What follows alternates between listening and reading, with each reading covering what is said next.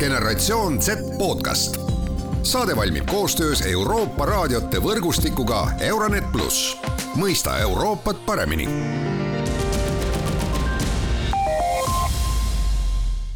Tere, Jätkensed podcasti kuulajad, mina saatejuht Mart Valner ja tänaseks teemaks tulevad meil kliimamuutused eestlased on väga skeptilised äh, kliimamuutuste osas. sellel aastal avaldatud äh, Eurobaromeetri uuringu järgi ühed Euroopa kõige skeptilisemad. mille pärast see nii on, seda üritamegi tänases äh, saates aru saada ja lisaks sellele räägime sellest, et kliimamuutused toovad kaasa endaga ka kliimaärevust. mis asi see kliimaärevus on, seda ka üritame selgeks saada. aga alustame saadet sellega, et meil on külas Kristi Klaas Riigikantseleist Eesti rohepöörde rohepöörde juht, kelle käest me küsimegi, kas me peaksime muretsema seda, et eestlased on kliimamuutuste suhtes niivõrd leiged ma arvan, et seal on ilmselt mitu tahku. kui vaadata läbi aastate neid äh, uuringuid, kuidas inimesed kliimamuutustest aru saavad ja kuidas nad sellesse suhtuvad, siis on positiivne trend on see, et aina rohkem saadakse aru, millest me üldse räägime, miks see oluline on ja iga inimene saab siis aru sellest enda rollist ka kliimamuutustest. aga loomulikult, kui me võrdleme ennast teiste riikidega, siis me näeme, et seal on äh, märkimisväärne vahe sees aga, aga võib-olla nagu ongi hea nagu mõelda, et miks äh, selline vahe on või mik-, miks sellised, sellised äh, numbrilised erinevused selle uuringutes välja tulevad, et kui me nüüd võrdleme näiteks Eestit, ma ei tea, kas või mõne Lääne-Euroopa riigiga, eks ju, kellel kliimamuutused tegelikult on ukse ees, et me juba praegu Prantsusmaal on äh, nelikümmend kraadi sooja, Hispaanias nelikümmend kraadi, eelmisel aastal üleujutused, mis Belgias ja Saksamaal toimusid siis seal inimestel on väga-väga selge, et need kliimamuutused ongi kohal, et nad näevad seda enda, enda elu peal. ja, ja seetõttu ma usun, et nad on ka nii-öelda otsivad seda informatsiooni rohkem, miks sellised muutused on tekkinud ja seda informatsiooni on ka lihtsam selgitada ja inimesteni viia, et vot, et et mis see põhjus-tagajärg seos siis ikkagi on ja millised need tõenäosused siis on, et sellised sündmused veel juhtuvad kui me Eestit vaatame, siis taolised, taolisi muutusi ei ole ju igapäevaselt nii täpselt näha.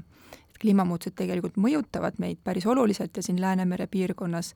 on ütleme, temperatuur kiirenenud tegelikult, temperatuuri kasv on olnud kiirem kui teistes piirkondades, aga, aga ta ei ole selline igapäevane, eks ju, et noh, meil mm. ei ole selliseid kuumalained juba siin kevadel kohal, et me peaksime muretsema ja nii edasi.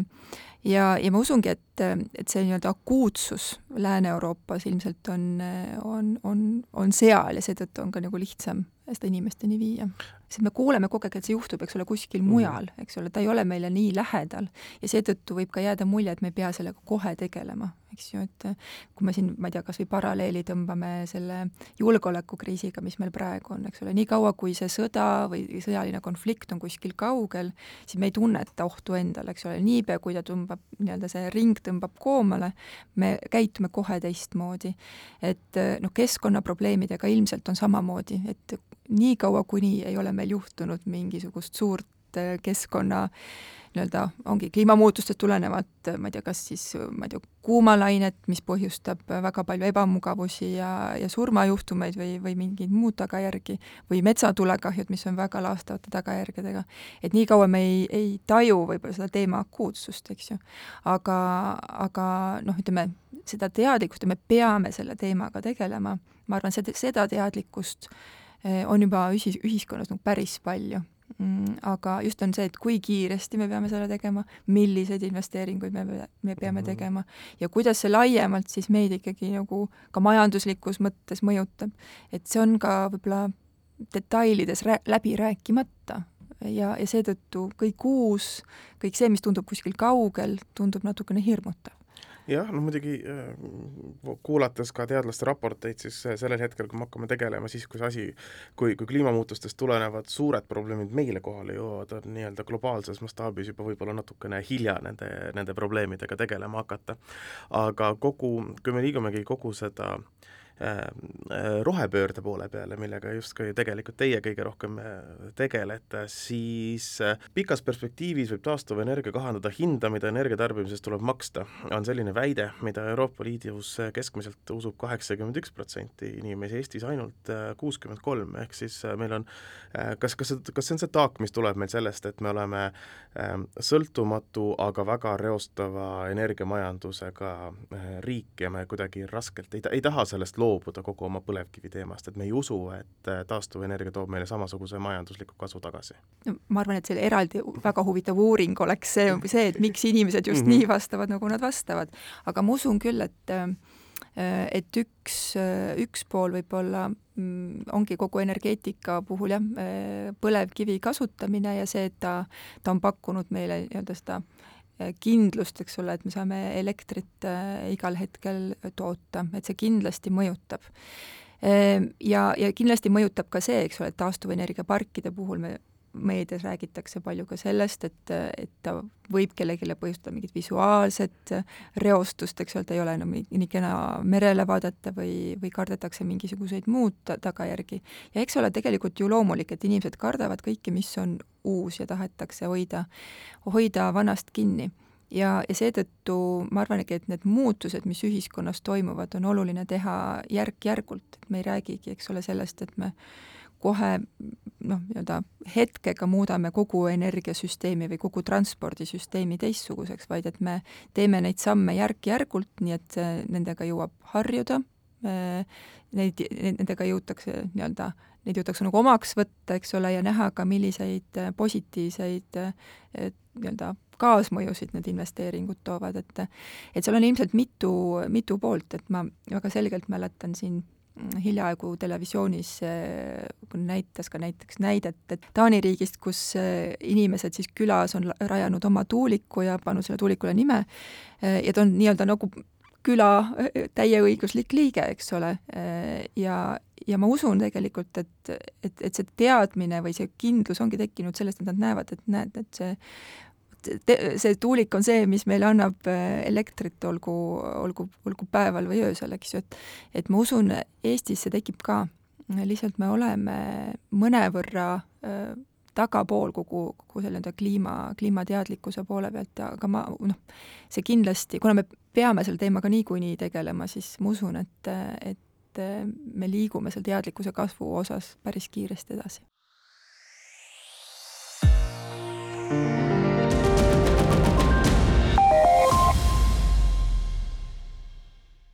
Ja minuga koos on äh, kliimaärevuse äh, läbi äh, põdenud Eesti Rohelise Liikumise juhatuse liige, psühholoogiaharidusega Madis Vasser, tere Madis! tervist! no alustame sellest, et kliimaärevuse läbi põdenud, siis sa tead väga hästi, mis asi on kliimaärevus. mitte kliinilistel ter-, terminitega, palun, millest me räägime? ja ma ütlen kohe ära, et äh, olen tõesti lõpetanud Tartu Ülikoolis äh, psühholoogia magistriõpingud, aga ma ei ole päevagi töötanud psühholoogina, nii et ma kindlasti nõustaja ei ole, aga, aga mul on see taustharidus. Ja tegelikult olen viimased paar aastat äh, töötanud keskkonnavaldkonnas ja noh, selle töö käigus tõesti äh, sa kohtud faktidega, mis teevad su väga ärevaks. Ja siis ma olen lugenud juurde, mis siis nagu teaduskirjandus ütleb äh, kliimaärevuse kohta ja kuidas sellest rääkida, nagu sa ütlesid, äh, inimkeeli. ja kuidas seda defineeritakse tavaliselt on see, et, et ta on niisugune, niisugune pidev väike õud mingisuguse keskkonna hukatuse osas, mis sa arvad, et tuleb ja mida sa nagu ka faktiliselt näed, et nagu justkui tuleb ja see on nagu huvitav, et teda ongi raske kuidagi diagnoosida mingisuguse vaimse häirena, sest ta põhimõtteliselt ei ole häire. ta on, võiks öelda täitsa nagu korrektne vastus, kui sa näedki, et, et on mingid asjad, mis ongi tegelikult ärevad. Äh, ja ma arvan, et ma ise jah, olen selle kaare nagu läbi käinud, et äh, välismaal on olemas sellised äh, spetsiaalsed kliimapsühholoogid ja mõned neist on nagu pannud niisugused äh, staadiumid, millest tavaliselt inimene läbi käib, äh, kui ta keskkonna ökoärevus, kliimaärevus, kuidas iganes seda kutsuda, et kui ta sinna nagu raja peale satub, et kõigepealt on niisugune avastusfaas, ahaa, mingi, mingi keskkonnateema, millest ma varem ei teadnud. teine faas on see, et sa loed ennast sisse nii hästi, kui sa oskad, kui sa leiad saad palju targemaks, kui sa olid alguses, võib-olla saad veel ärevamaks, kui sa olid alguses. et arvasid, et alguses on väike probleem, tegelikult tuleb välja, et on väga suur kolmas faas on see, kus sa siis üritad midagi teha selles osas ja tavaliselt ei ürita lihtsalt midagi teha, vaid üritad kõike teha. noh, et nüüd sa oled ju saanud valgustatud ja nüüd sa pead nagu kuidagi seda probleemi lahendama. ja see on tavaliselt niisugune hästi väsitav faas äh,, läbipõletav faas äh,, kus inimesed sageli siis nagu jõuavad kuhugi madalpunkti ja neljandaks äh, sageli tullakse sellest välja ja, ja leitakse endal nagu see missioon või, või see, mida siis teha, äh, mis teeb asja paremaks, vähemalt ei tee halvemaks, aga samal ajal ka ei tõmba inimest nagu tükkideks mm. -hmm okei okay., ja kui palju või kui suurel hulgal äh, noortest, me, me räägime seda sellepärast, et uuringud toovad välja seda, et noortel on aina rohkem, rohkem kliimaärevust. Äh, kas seda on nagu päriselt ka siis nii-öelda noh, tänavapildis on võib-olla raske öelda, aga oma töös või, või nii-öelda suheldes inimestega, kas seda, seda on, on, on nagu rohkem aru saada? jah, aga nagu ma ütlesin, et seda nagu dia-, diagnoosida on raske, aga seda küsida ikkagi võib ja, ja uuringutes on küsitud ja tõesti noorte seas ta on ikkagi väga levinud. et vähemalt, vähemalt pooltel, ütleme nii, on see nagu tugev või väga tugev mure on nagu sees tuleviku osas just nagu keskkonna mõttes Ehm, ja kui sa vaatad vanemaid inimesi, siis, äh, siis need numbrid võib-olla lähevad alla. Äh, aga on ka niimoodi, et lihtsalt vanemad inimesed võib-olla ei räägi nendest teemadest nii palju ja noored juba teadvustavad väga palju rohkem, et, et see teema on üleval. Äh, ja oma ringkondades, kui ma räägin keskkonnakaitse valdkonnas, siis seal on selgelt nagu noh, inimesed paratamatult teavad, mis värk on ja, ja siis otsivad neid viise, kuidas sellega hakkama saada ja see on ka üks võib-olla põhisoovitusi, mis sageli esimesena tuleb, on see, et et ära jää selle murega üksi. et kui see on nii levinud, nagu ta on äh,, aga samas ta on ka niisugune tabuteema võib-olla, et noh, mis see ikka, mis ma ikka muretsen, et teised ju ei muretse, et tegelikult sa ei tea kas teised muretsevad või mitte, et siis tasub äh, see teema kuskil kas või oma sõpruskonnas äh, tõstatada, et võib-olla see ei olegi ainukene, et võib-olla tegelikult kõik mõtlevad seda, aga keegi ei julge nagu öelda seda välja, sest et noh, mis ma üksi siin niimoodi muretsen üle, on ju, et noh, mu vanaisa ütles, kõik on hästi et siis tasub, tasub suhelda, sest äh, see tugigrupp on väga oluline. aga see tuleb noortele kuidagi tugevamalt ette just sellepärast, et äh, kuidas nüüd öelda, mida vanemaks inimene saab, seda rohkem on neid äh, igapäevaseid asju, mille pärast muretseda. Äh, lihtsalt noh, ongi, neid on, neid on nii palju rohkem, kui su äh, mõtted on selle peale, et äh, kust ma saan oma selle pangalaenu makse, kust ma saan süüa, kus ma saan oma lapsele süüa, eks ole, millal ma teda lasteaeda viin ja millal ma kooli jõuan ja mis teed näitab Waze täna hommikul kõige paremini, et tööle jõuda ja nii edasi ja nii edasi ja nii edasi, siis ühel hetkel see, aga mis maailmas tulevikus saab, on niisugune neljas, viies, kuues, seitsmes, kaheksas järguga murekoht alles, aga noore noorena sa astud ellu, eks ole, ja siis sa oled nagu, oota, mis ellu ma nüüd astun, eks ole tuled kooli teadmistega just, mis ütlevad, et see elu saab olema väga huvitav tulevikus. Äh, ei, see on absoluutselt nii, et, äh, et kui sul on niisugused nagu igapäeva ellujäämisküsimused, siis sa ei, ei jõua mõelda nagu selle laiema tuleviku peale ja, ja kindlasti ka see taustsüsteem on lihtsalt teine, et, et vanasti ei olnudki see üldse teema, see keskkonnateema. et, äh, et ka sina ja mina ilmselt oleme veel selles eas, kes, kes ka ei pidanud mõtlema oma noorus ja kliimamuutuste peale onju. võib-olla oleks, aga me ei mõelnud piisavalt palju, eks ole. jah, ja või noh, meil oli, meil oli võimalus sellest hoiduda yeah. kuidagi, sellest teadmisest, aga tänastel noortel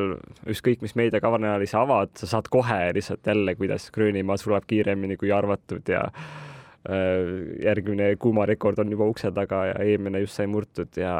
ja see nagu infotulv on, on väga jõhker ja sealt ongi see küsimus, et kuidas sa sellega hakkama saad, et et noh, et see kliimamuutus on selles mõttes äh, väga tobe olukord, et, et sa tead, et see tuleb, aga see tuleb nii aeglaselt et see ei tule homme, see tuleb mm -hmm. noh,